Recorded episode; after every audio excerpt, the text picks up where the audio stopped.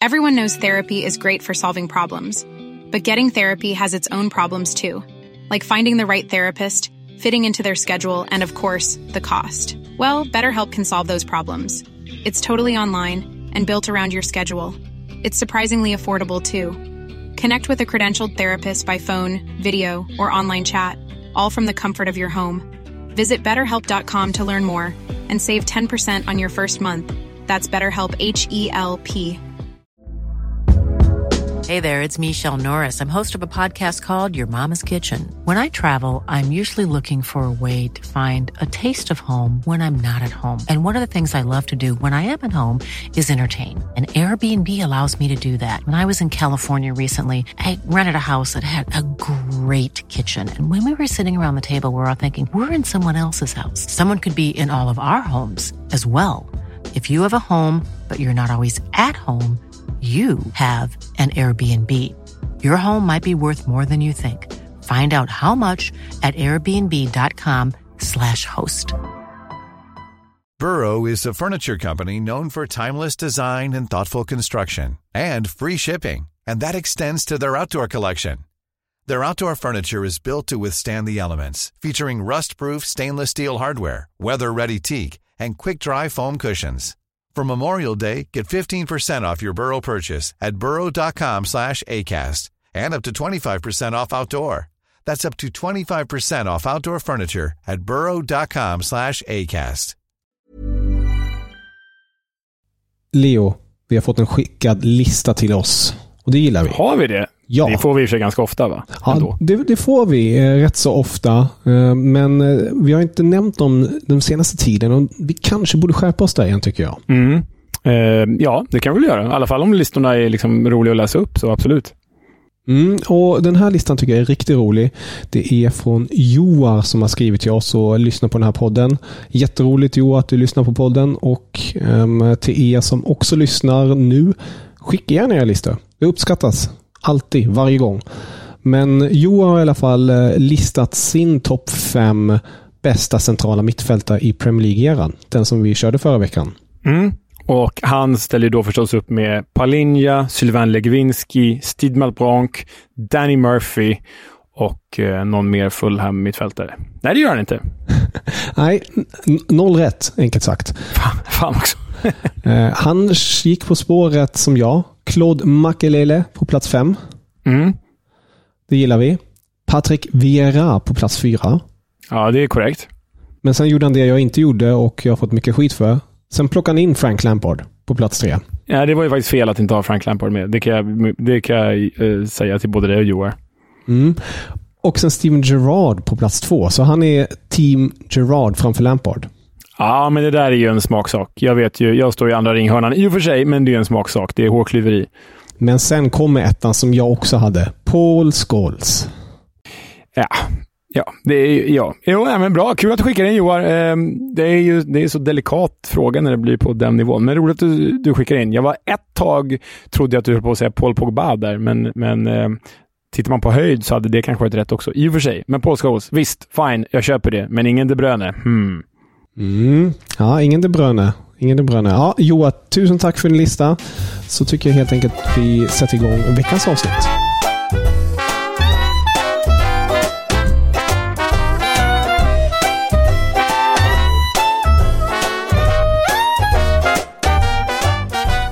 Topp 5 värvningar sommarfönstret 2023 bland toppligorna. Har jag fått med nu allt, Leo? Jag tror att vi måste definiera toppligorna här för eh, det som... Ja, vad menar vi egentligen med toppligorna, Kevin? Jag går väl kanske lite rent tekniskt sett fel ut, för jag rankar Tyskland, England, Spanien, Italien och Frankrike som topp 5-ligorna. Och det är ju liksom i folkmun och fotbollsminne, i det kollektiva fotbollsminnet, så är väl det rätt. Men faktum är ju att mitt kära Frankrike, mitt kära Ligue 1, har dalat betänkligt i Uefa-koefficienterna. De presterar ju inte så bra ute i Europa. Det är ju bara PSG som går långt. Vilket innebär att, hör och häpna, Eredivisie, holländska ligan, nederländska ligan om man så vill, de ligger på femte plats. Men både du och jag har kommit fram till att eh, vi vägrar erkänna Eredivisie som Europas femte bästa liga, eller hur? Ja, vi går emot mot siffrorna enkelt sagt. Ja, alltså en grej hade ju varit om det var portugisiska ligan, för där har ju ändå Benfica och Porto och även Sporting och Braga presterat bra i de europeiska cuperna de, de senaste åren.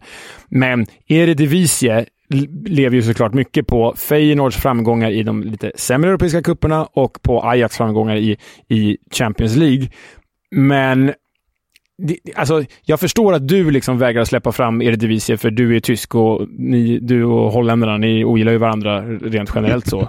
Men jag som älskar Holland, jag vägrar erkänna det här för jag menar, du och, du och jag hade ju gjort tio mål var på topp i holländska ligan en säsong, vilket innebär att det är en ganska dålig liga. Så vi kommer inte erkänna holländska ligan som en, en eh, eh topp 5-liga, utan vi, vi håller kvar vid ligan där på topp 5.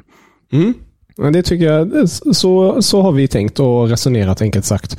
Och vi har ju också bollat fram och tillbaka vilka spelare som ska listas då på de här listorna. Och där finns det ett par komponenter man ändå måste beakta när man ska ranka topp fem bästa nyförvärv, eller hur Leo?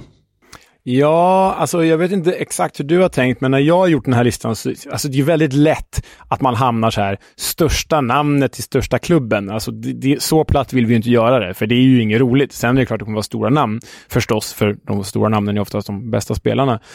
Men jag tycker det är flera eh, komponenter och ingredienser som ska ingå i en sån här kalkyl. Dels är det spelarens kvalitet, det är väl det uppenbara behovet av spelaren. Behöver klubben faktiskt den här spelaren? Eller har de bara, likt ett annat Chelsea, kastat pengar på 73 svindyra ungdomar utan att veta om de behöver dem eller inte? Det, det kan ju tala emot att en spelare mm. kan ha på en sån här lista. Eh, så kvalitet på spelaren, behovet i truppen, ekonomin. Och då ska vi inte bara säga så här, det här var en svindyr spelare, därför platsar han inte. Utan ekonomin utifrån klubbens behov återigen och ekonomiska situation. Alltså en miljard kronor för, jag vet inte, Manchester City är ju mycket mindre än vad en miljard kronor är för Arsenal, till exempel. Exakt. Så, um, så ju rikare klubb, desto mindre betydelse har ju pengarna då. Eh, det är väl en ingrediens. Och sen som vi pratat lite om här off-cam, som vi kommer återkomma till då, är ju vilket avtryck spelaren kan sätta, inte bara på planen, utan även utanför planen. Det finns ju spelare som blir symbolspel eller liksom indikerar en nysatsning eller en nystart, eller vad det nu kan vara, ett PR-projekt. Så det finns ganska många ingredienser i vad som är en bra värvning, tycker jag i alla fall. Mm. Jag tycker du sammanfattar väldigt bra där och vi kommer ju komma in på det här lite mer när vi tar upp våra namn och på något vis understryka varför specifika spelare har kommit in här. Eh, det är inte alltid så att, för min del, att alla komponenter slår 100 direkt. Men det är kanske någon komponent som slår lite extra och jag tycker att det är därför han ska medverka på den här listan. Så det ska bli riktigt intressant att se vilka spelare du har valt för att det här fönstret har ju bjudit på en hel del olika nyförvärv. Mm. Det har det ju verkligen gjort. Ska vi köra igång eller? Ja, det tycker jag. Plats fem. Ja, och eh, jag bara liksom säga det här. Det här är ändå topp fem. Jag förstår. Nu går jag ut och garderar mig direkt här till Gustens stora Direkt. Det har inte startat, Leo.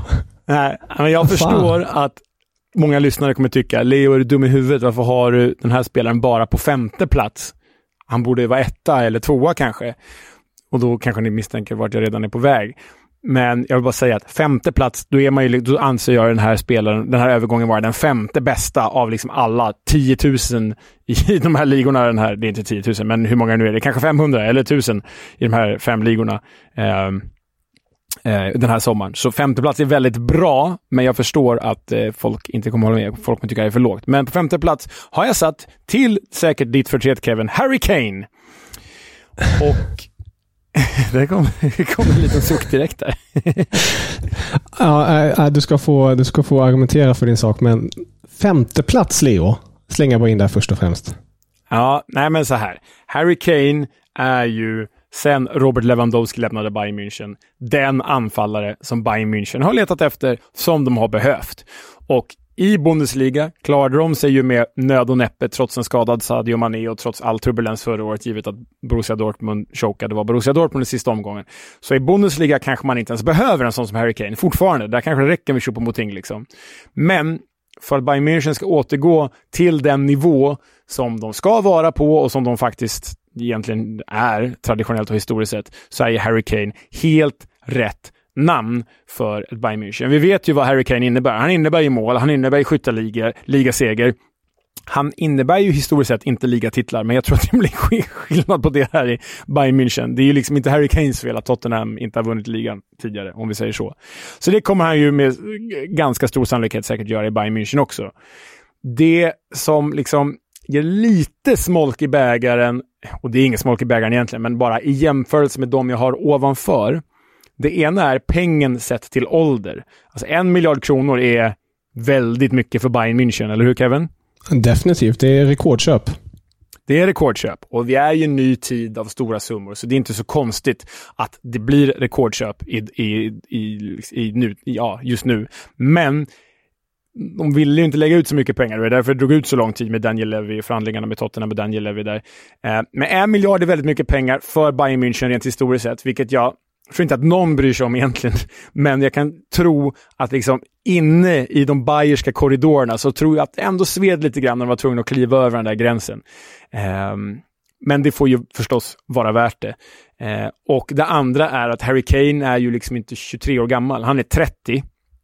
Vilket innebär att vi kanske har tre, fyra, som allra bäst fem säsonger av Harry Kane prime i Bayern München att eh, se fram emot. Och det är ju väldigt mycket i fotbollsvärlden. Det är ju ganska oh, lång tid, bara, bara tre år.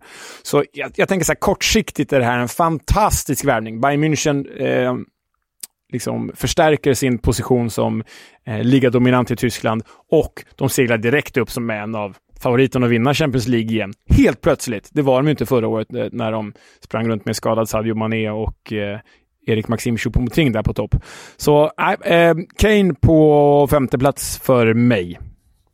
Så är det. Ja, eh, helt rätt namn att slänga in i en sån här lista. Jag tycker bara att det är nästan eh, lite provocerande och bespottande att du, du har Harry Kane så här långt ner på en sån här lista tycker jag. För att han innebär ju så mycket mer. Eh, men om jag, om jag ska på något sätt rättfärdiga det du precis har gjort är det ju att Bayern München sattes i en extremt speciell sits.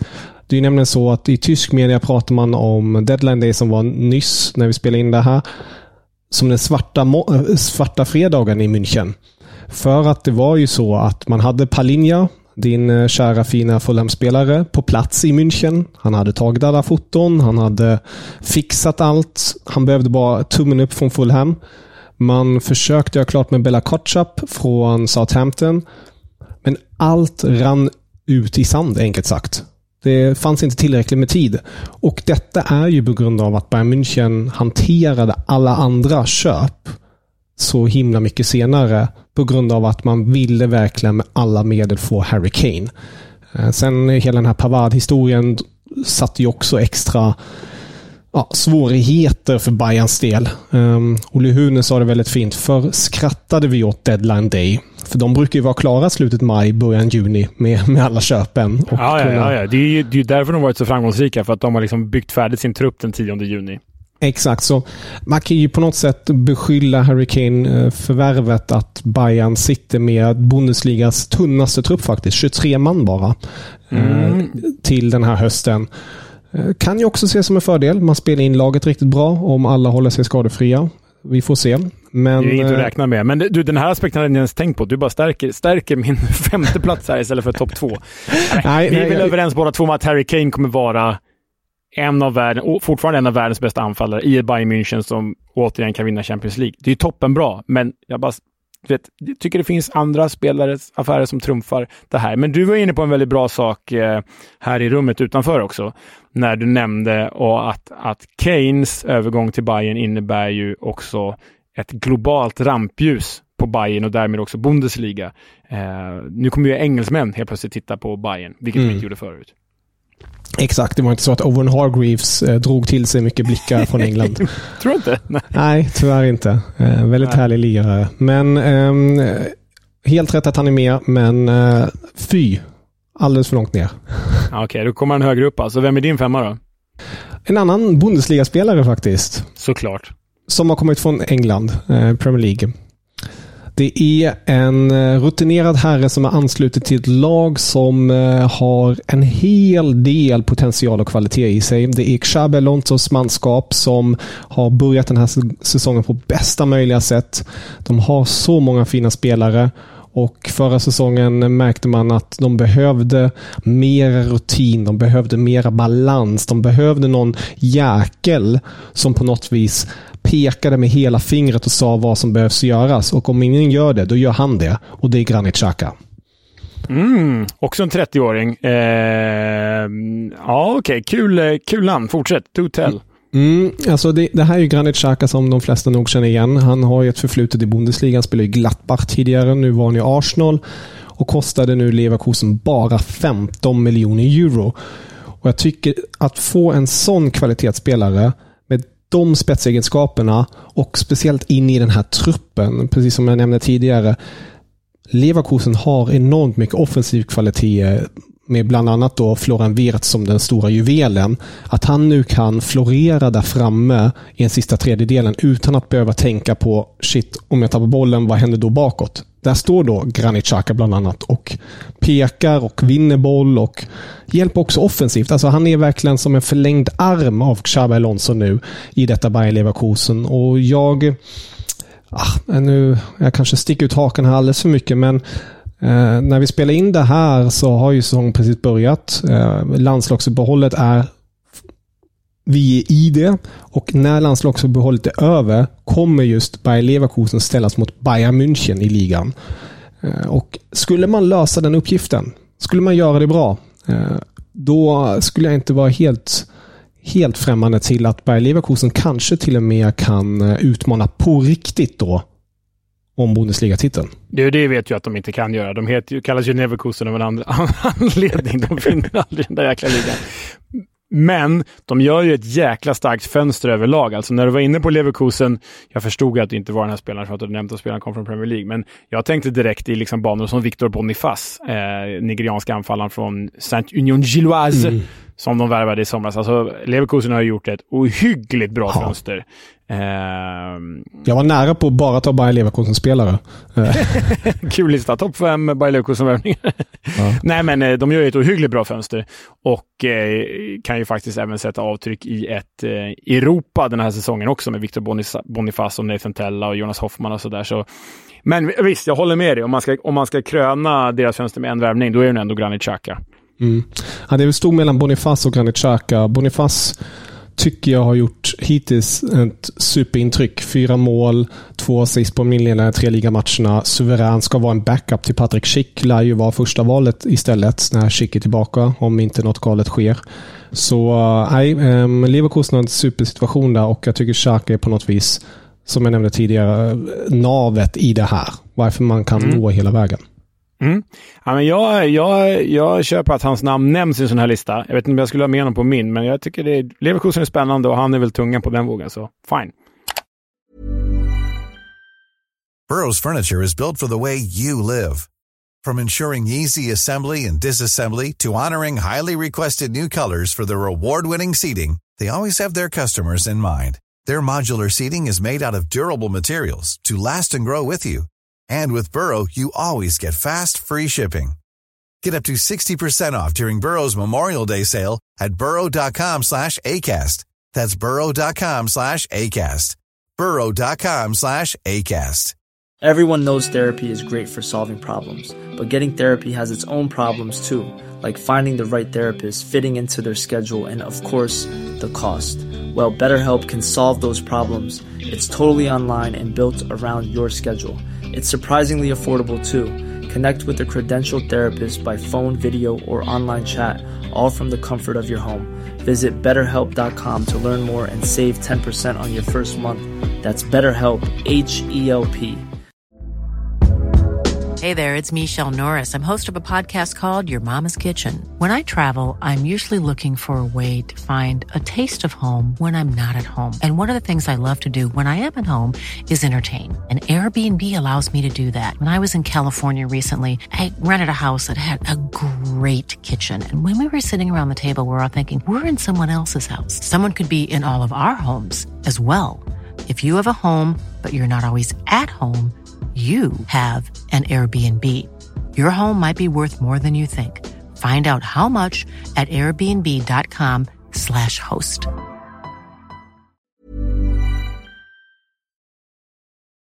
Plats fyra.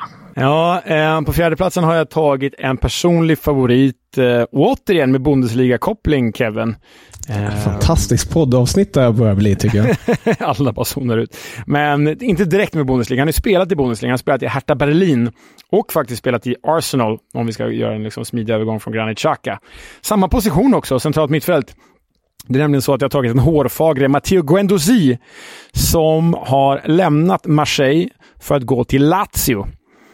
Och i Lazio är det ju så att de överlag gjorde ett ganska bra fönster. Många intressanta spelare in som Daichi Kamada och, och så vidare. Men framför allt så tittar man på Lazios fönster och ser att SMS, Sergej Milinkovic Savic, försvann till Saudiarabien. Mm. Och det är ju en enorm förlust. En av Serie A's bästa mittfältare de senaste fem sex åren.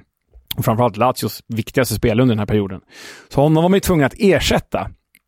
Och eh, Lazio hade ju inte lyckats ersätta eh, Milinkovic Savic i säsongsinledningen här, för de hade ju en väldigt tveksam start, åkte på torsk mot Lecce, förlorade väl andra matchen också. Men sen då mötte de regerande mästaren Napoli på bortaplan och vinner med 1-0 för att just Matteo Guendouzi debuterade som en annan fransk spindel i nätet. Guendouzi eh, kom ju på lån från Marseille, men det är ju inte ett... Något jag har aktat mig för, jag vet inte vad du har gjort men något jag har aktat mig för det är de här rena lånen som inte har någon köpoption. Mm. Det känns Exakt. väldigt kortsiktigt. Liksom. Annars skulle en sån som Xavi Simons i RB Leipzig kunna vara ett alternativ till den här listan. Men eh, Gendosi är ett lån den här säsongen. Sen kan Lazio alltså köpa loss honom för 150 miljoner kronor. Och sett till dagens transfervärld så är det kaffepengar. Alltså det är alltså en 24-årig fransk landslagsman som kom tvåa i fotbolls-VM så sent för ett år sedan. Varit Marseilles bästa spelare de senaste två, två åren när han har spelat där. Va? Um, det här är en spelare som är gjord för något absolut större. Påminner väldigt mycket, eh, absolut inte utseende, men i spelstil om Patrik Vira som vi älskar att hylla i den här podden. Dynamisk tvåvägsspelare, lång och gänglig, långa ben, stenhård i dueller, men också målfarlig. Liksom. Så jag ser Gendusi som den givna ersättaren till Sergej Milinkovic Savic i Lazio och eh, därmed och, och således också en ganska billig ersättare för ett Lazio som faktiskt kommer eh, fortsätta utmana om topp fyra platser även det här året i Serie A. Så nej, Gendosi är min fyra. Jag ska vara helt ärlig. Inte alls. Inte ens på en bruttolista hade jag med eh, Gendosi. Eh, Gendosi. Jag eh, kan inte ens stava till honom. Eh, så han med. Kanske därför han inte var med. Kanske därför han inte var med på listan. Um, ja, jag vet inte, ni lyssnare, ni får gärna rätta mig om jag har fel här, men jag tror att du är rätt så ensam med honom på en topp 5-lista. Ja, men här är vi inne på det som liksom, när man rankar sådana här bästa värvningar så kommer folk vara inne på stora namn. De vill ha sina Harry Kanes och så vidare. Jag ska inte avslöja några andra för stora namn. Kylian Mbappé om han hade gått någonstans. Men här pratar vi alltså om en fransk landslagsspelare som var med och deltog i, i, VM förra året där Frankrike kom tvåa. Han har varit en av franska ligans bästa mittfältare. Han är 24 år gammal. Han är ung alltså. Han kommer att kosta Lazio 150 miljoner kronor när de väl köper loss honom. Och ersätt, för att då ersätta en spelare som de sålde för liksom 600-700 miljoner kronor. Det är billigt, det finns ett behov och det är bra. Han tickar många boxar här alltså. Mm, ja, jag köper det. Det är bra, bra, bra bra scoutat, skulle jag vilja påstå. Eh, du har ju koll på de där lite små nischade områdena. Nu kan man också säga att Granit Xhaka kanske inte var något större namn, men jag tror den större allmänheten är nog mer bekant med Granit Xhaka än Guendouzi på det sättet. Men eh, ja, åldern och prislappen och allt. Nej, jag förstår det. Jag förstår det. För, förstår fortfarande inte Harry Kane att han är under, men eh, jag får bara... Jag får Nej, bara det- Jag har redan förklarat varför. Så är det. Nej. Ja, jag får bara svälja det. På min fjärde plats hittar vi en annan eh, Bundesliga-bekanting. Nej, Fantastiskt. Det finns röda trådar till Bundesliga hela tiden här.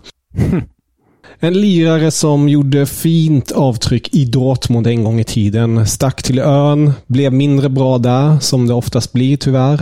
Eh, Och har nu, för en rätt så liten peng tycker jag ändå, 20 miljoner euro om jag inte helt misstar mig, gått till just Serie A som du pratar om. Till eh, Milan, till AC Milan.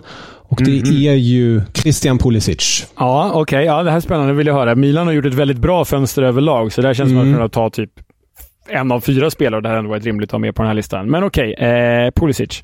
Ja, jag tycker ju på något sätt Pulisic har ju tyvärr, eh, han är ju en sån här klassisk glaslirare som skadas hela tiden och han fick ju inte riktigt ut det man fick se av honom i Dortmund i Chelsea då. Men med tanke på åldern, med tanke på kvaliteten han besitter och med tanke på prislappen så tycker jag att Milan gör världens fynd här. Och jag tror ju att Pulisic nog kommer gynnas ännu mer av att spela i Serie A än i Premier League. Nu är det kanske lite uråldrat att säga att Premier League är stenig och hårdare och att Serie A är mer soft och mer taktiskt och defensivt. Men det ligger ändå någonting i det. Jag tror ändå att han som spelare kommer kunna eh, leverera mera i Milan-tröjan än i Chelsea-tröjan. Och det kommer gynna storklubben väldigt mycket. Eh, jag, jag, jag får lite så här jättekonstigt för de är inte alls samma spelare egentligen. Men jag får lite Pato-känslan.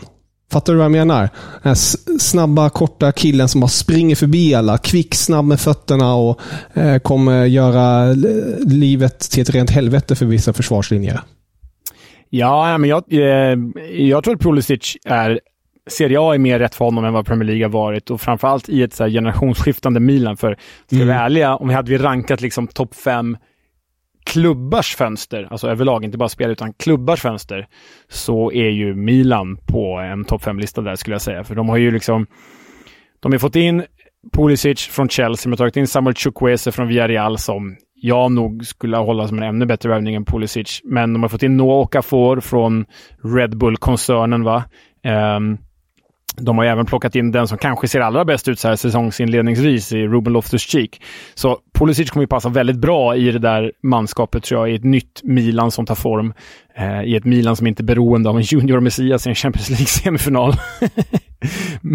men eh, Ja, men jag, jag hör vad du säger. Jag, jag tror att Pulisic kan eh, eh, få utveckling här, men jag vet inte om Milan kommer vara så... Om jag, om jag bara tittar till behov, den aspekten som jag lägger in här. Var liksom Milan beroende av den typen av värvning? Jag vet inte. Visst, som sagt, de hade Junior Messias förut. Ja, men skulle jag hålla... Jag tror att jag faktiskt egentligen håller Ruben Loftus-Cheek och eh, Samuel Chukwueze högre, bara liksom inne i Milan-värvningarna sett. Eh, men, men det är väl kul att vi nämner Milan här i alla fall, även om vi kanske inte är riktigt överens om, om den här övergångens storhet. Nej, vi får se. Jag tror eh, Pulisic spets kommer, eh, kommer leverera väldigt fint här och det är därför jag också tog med honom på en sån här lista. Det, det roligaste med, med, med Pulisic, har du sett det klippet när det är någon så här det är något amerikanskt tv-program och de intervjuar någon i en sport-tv-program och de intervjuar någon i någon så här tröjaffär, tror jag. Eh, och han kallar, han säger Christian Pulisic, han säger Pulisic, säger han. Christian Pulisic, he's the Kobe Bryant of football. ah, Lite Ah! väl. Lite Ja, då- väl. då pratar vi väl snarare om Messi kanske, inte om Pulisic. He's the Kobe Bryant of football. Ah, otroligt. Nej. Ja, nej. Men det är plats fyra hos mig i alla fall. Plats tre. På min trea så fortsätter jag den här Granit Xhaka-tråden, men det är ingen Bundesliga-koppling den här gången. Men Granit Xhaka försvann ju efter lång och trogen tjänst från Arsenal. Eh, och han måste då ersättas. Och vad är då bättre än att ersätta en nyckelspelare med en ännu bättre spelare? För det är det Arsenal har gjort. De har ersatt Granit Xhaka med Declan Rice. Och här kan man ju då fråga sig kring pengarna. Är det verkligen värt att betala över en miljard kronor för en defensiv mittfältare?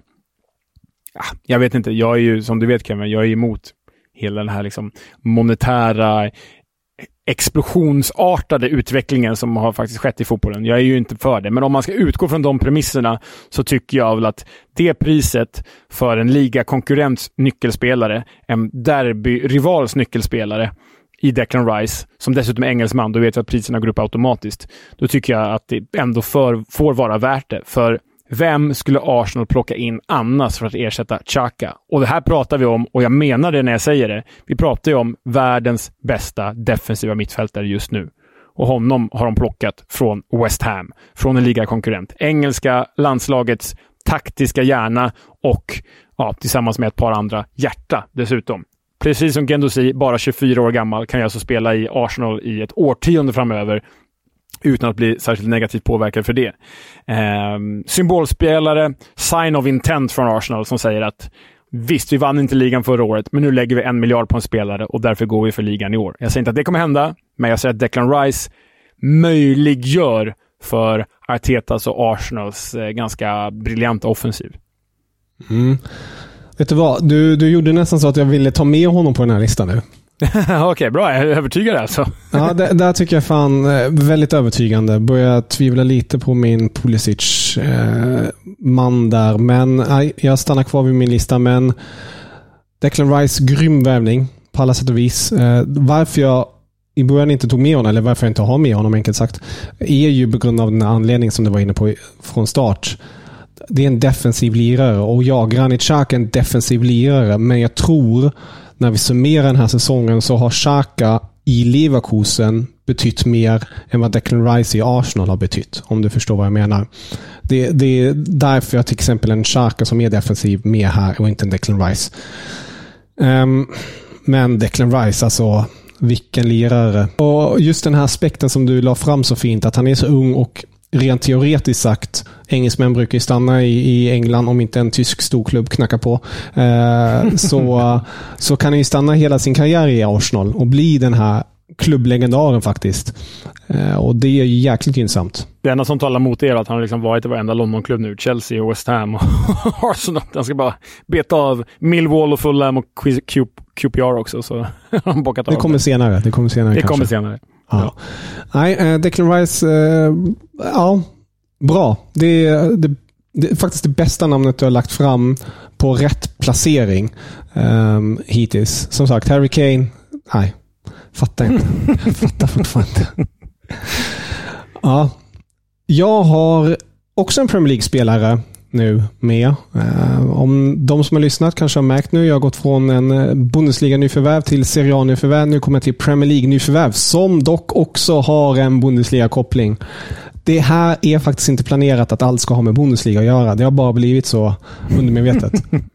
det här är en spelare som jag har varit förtjust i väldigt länge som eh, jag tyckte gjorde helt rätt steg nu. Att gå till England, gå till Premier League, gå till Jürgen Klopp och hans manskap. Det är en spelare som jag tror kommer ge fansen i Liverpool enormt mycket glädje och kan spela på fler positioner faktiskt. Nu har han faktiskt bara spelat i det centrala mittfältet. Det är Dominik Soboslaj. En herre som också kan spela ute på kanten. Han är duktig med vänstern, han är duktig med högern. Han har den här klassiska tyska gegenpressing eh, fotbollen i sig. Extremt intensiv och en bössa utan dess like. Och att få in honom i ett Liverpool Ja, 70 miljoner euro. Det är mycket pengar. Eh, men vi pratar här ändå om en offensiv pjäs som fortfarande är ung och som de säkert, om de skulle vilja, om ett, två år kunna sälja ännu dyrare om han håller sig på den här nivån. Eh, det här är en spelare som jag tror kan tillföra enormt mycket och han har ju också, ja, nu gör ju kanske alla det alltid, men han har ju också beskrivit länge sin kärlek till just Liverpool. Och jag tycker den här säsongsinledningen har visat också på att han har en stor kärlek till klubben och han vill ge så mycket. Alltså det finns en, en form av intensitet i, i hans spel som kommer tillföra enormt mycket. Ehm, han kommer kanske inte vara den som gör flest mål eller någonting sånt, men han kommer vara extremt nyttig för detta Liverpool som håller på att göra en form av skiftning i hela truppbygget. Så Dominik Soboslaj från Rasenballsport Leipzig. det fejkade jävla skitnamnet, ursäkta franskan, Rasenballsport. Ja, nej men eh, jag köper Soboslaj. Han var länge med på, på mina bubblare. Jag hade både han och Alexis McAllister med som bubblare. Eh, nu har vi avslöjat att ingen av de två gick in på min lista här. Äh, men Soboslaj är framförallt en oerhört underhållande spelare att kolla på. Men han är ju därtill en spelare som också får utdelning på ett helt annat sätt än liksom Luis Diaz till exempel.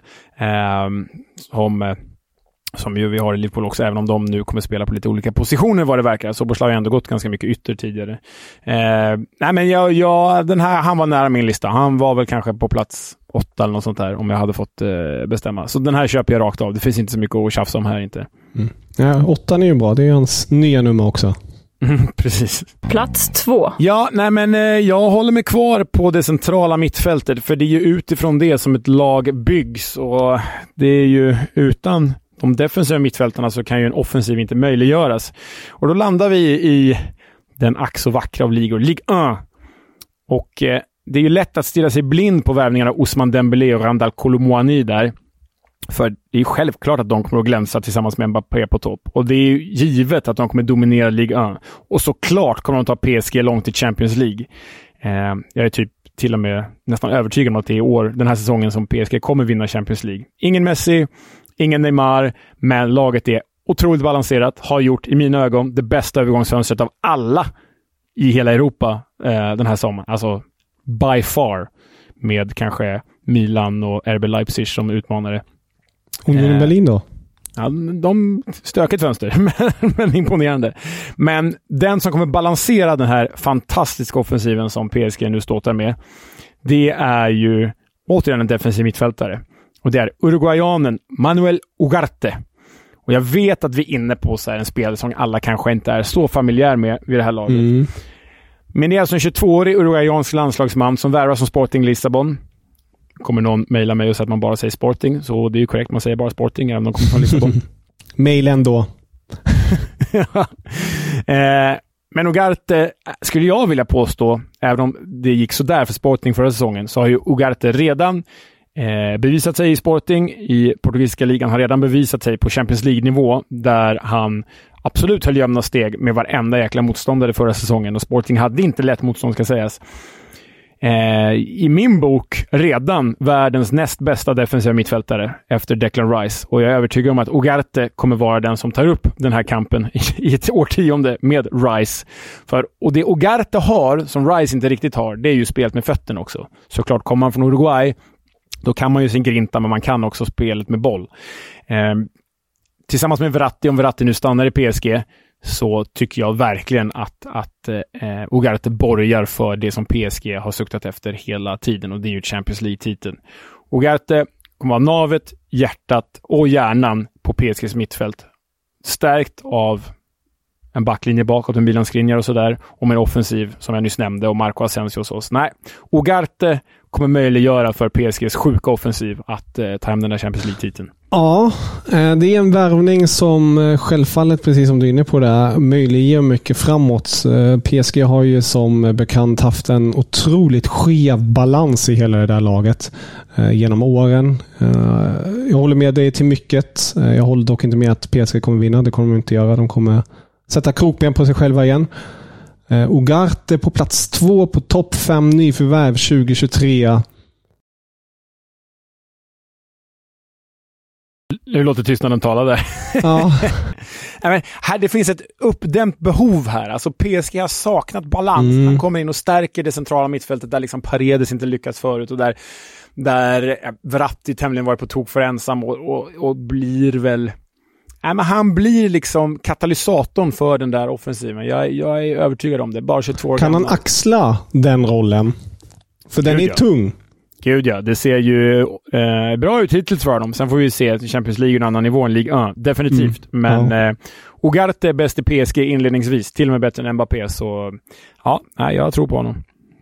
Ja, okej. Ja, jag, jag är tveksam till, i alla fall till en plats två. Återigen, vad tusan är Harry Kane någonstans? Ja, han är på plats fem. Jag har ju sagt det. En miljard för snåla Bayern, du vet. De kommer ångra det där för all framtid. Nej, det kommer de inte göra. Han kommer göra stor succé. Men eh, ja. Nej, Ugarte, eh, ni lyssnar, ni får jättegärna tycka till. Skriv till oss på Twitter eller mail eh, vad ni tycker. Eh, jag, jag är tveksam. Jag motbevisas gärna. Eh, dock inte på poängen att PSG ska vinna Champions League. Det, får, det, det behöver de Det inte vill göra. inte jag heller. Jag bara säger att det kommer bli så. Ja, jag är osäker. Lucas Hernandez som ju också värvat. Mm, bland annat. Nej, eh, Ugarte finns inte på min lista. Eh, dock finns en annan spelare på min lista som du har nämnt redan, som jag har återupprepat här ett antal x-tal gånger och det är Harry Kane. Där kom han. Där kom Där kommer tvåa han. bara ändå. Mm. Ja, eh, vi kommer ju komma till ettan senare, men Harry Kane på plats två. Alltså, du var inne på det redan med just Robert Lewandowskis eh, bortfall, så att säga. Man behöver en nia, det var självklart. Man har tagit den bästa möjliga ersättaren. Om, jag, jag ska sticka ut hakan här. Om Harry Kane skulle stanna lika länge i Bayern som Lewandowski hade gjort, då tror jag att Harry Kane hade levererat bättre siffror än Lewandowski. Jag tror att Harry Kane kommer bli nyttigare för Bayern München än Lewandowski. Och med det sagt var ju Lewandowski jäkligt nyttig för Bayern München på alla sätt och vis. Eh, slog ju målrekord, slog det, det bomba Müllers målrekord på 40 mål. Han gjorde ju 41 istället. Men Kane kanske inte slår just det målrekordet. Dock kommer han tillföra så enormt mycket till laget. Han är en lagspelare. Han, han levererar både assist och mål.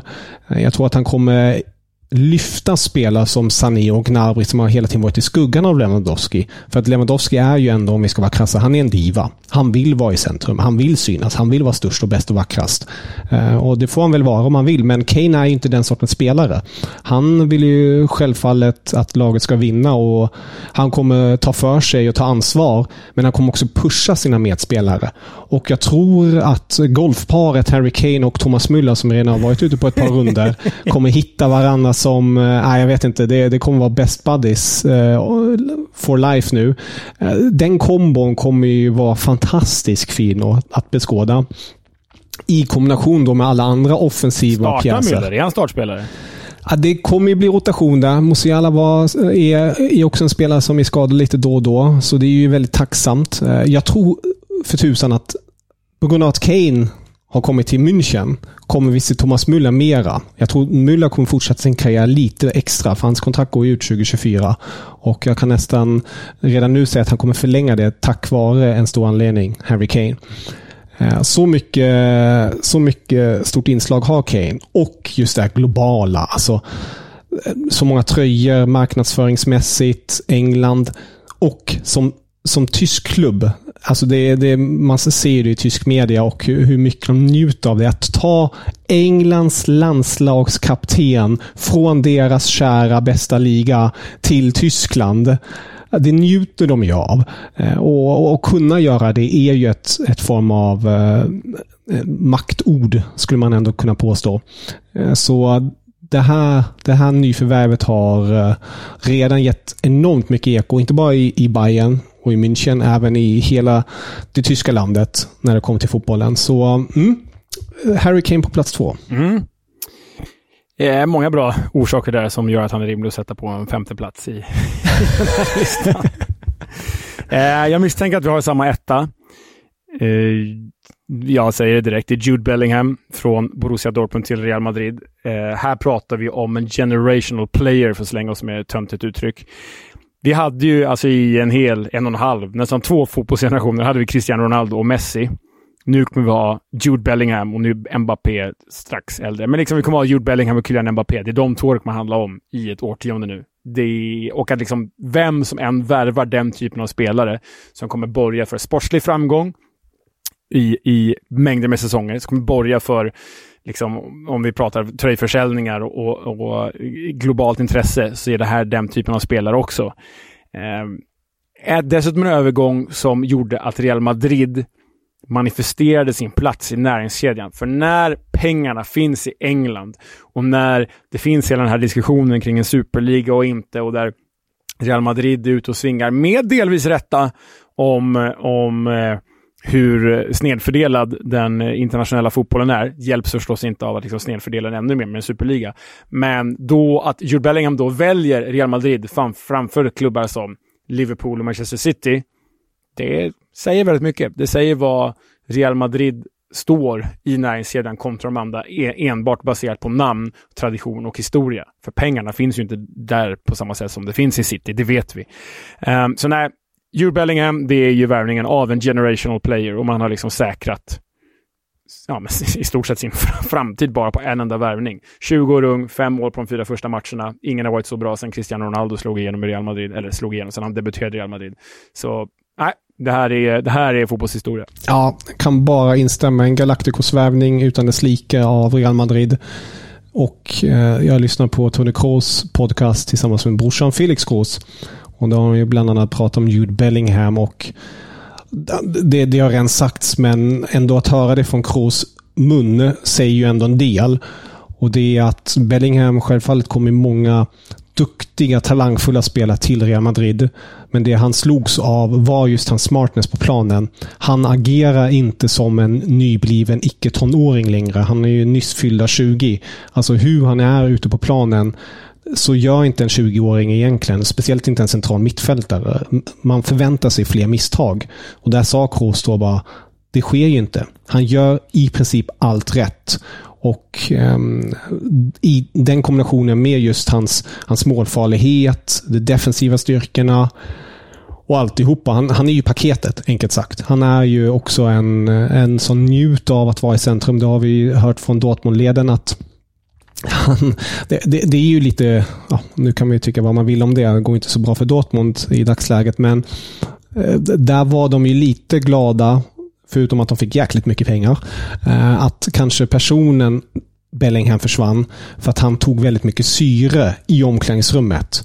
Eh, när till exempel matcherna var slut var det han som ensam skulle gå till eh, kurvan och tackas av. Eh, ingen annan spelare skulle vara nära. Det är han som skulle ta emot det. Och eh, jag tror i en klubb som... Helt knäppt beteende för övrigt. Helt knäppt beteende. ja, och i en klubb som Real Madrid, han kan inte göra det på samma sätt för att där är det ju, alltså, där har man ju helt andra profiler och karaktärer. Och det blir på något vis en nyttig eh, läxa för honom med hierarki, men han kan med tid också växa in mer i den här stjärnstatusen ännu mera. Uh, och ja, nej, det, det går inte annat att säga. Jude Bellingham. Alltså det är helt otroligt. Verkligen. Ja, det, det är bara... Det, ja, det finns, finns inte så mycket mer att säga där. Det, det är vad det är. Exakt. Du, um, Kevin. Eh, vad hade, om du fick ta här, tre bubblare då, lite snabbt. Du behöver inte motivera varför, men bara nämna tre bubblare. Vilka var liksom närmast att komma med på din lista? Jag hade ju Boniface från Bayer Leverkusen. Eh, ur ett, det perspektiv var inne på. Eh, extremt nyttig, billig peng till Bayer Leverkusen. Eh, jag tänkte också ett tag på Ehm, Brighton och lån i Ansu Fati känns ju jäkligt spännande. Ehm, men där tog jag bort handen på grund av att det är ett lån just.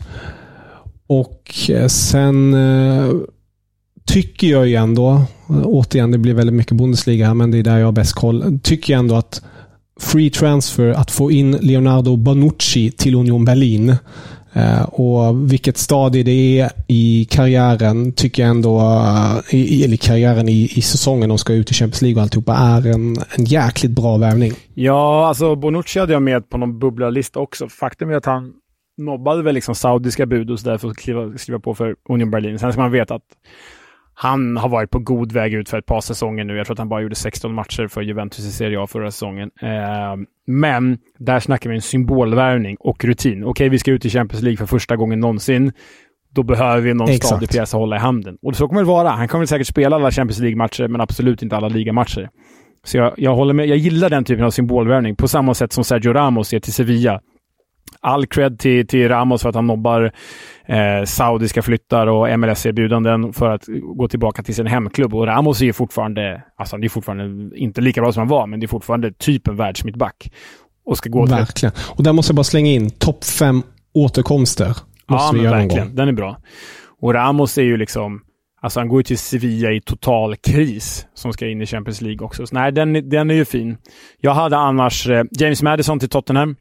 Eh, Just det, den är riktigt Spelaren bra. som liksom möjliggör hela eh, Arns Postesoglus sätt att spela, hela hans offensiva taktik. Moussa Diaby till Aston Villa, första gången på, mycket Bayer Leverkusen då, från Bayer Leverkusen till Aston Villa. Första gången på över Mm. ett årtionde som Aston Villa värvar en spelare från den hyllan liksom. Det är ytterst imponerad av honom och Villa där. Och sen slänger jag faktiskt in ett riktigt finsmakande namn. Matteo Rettegui till Genoa.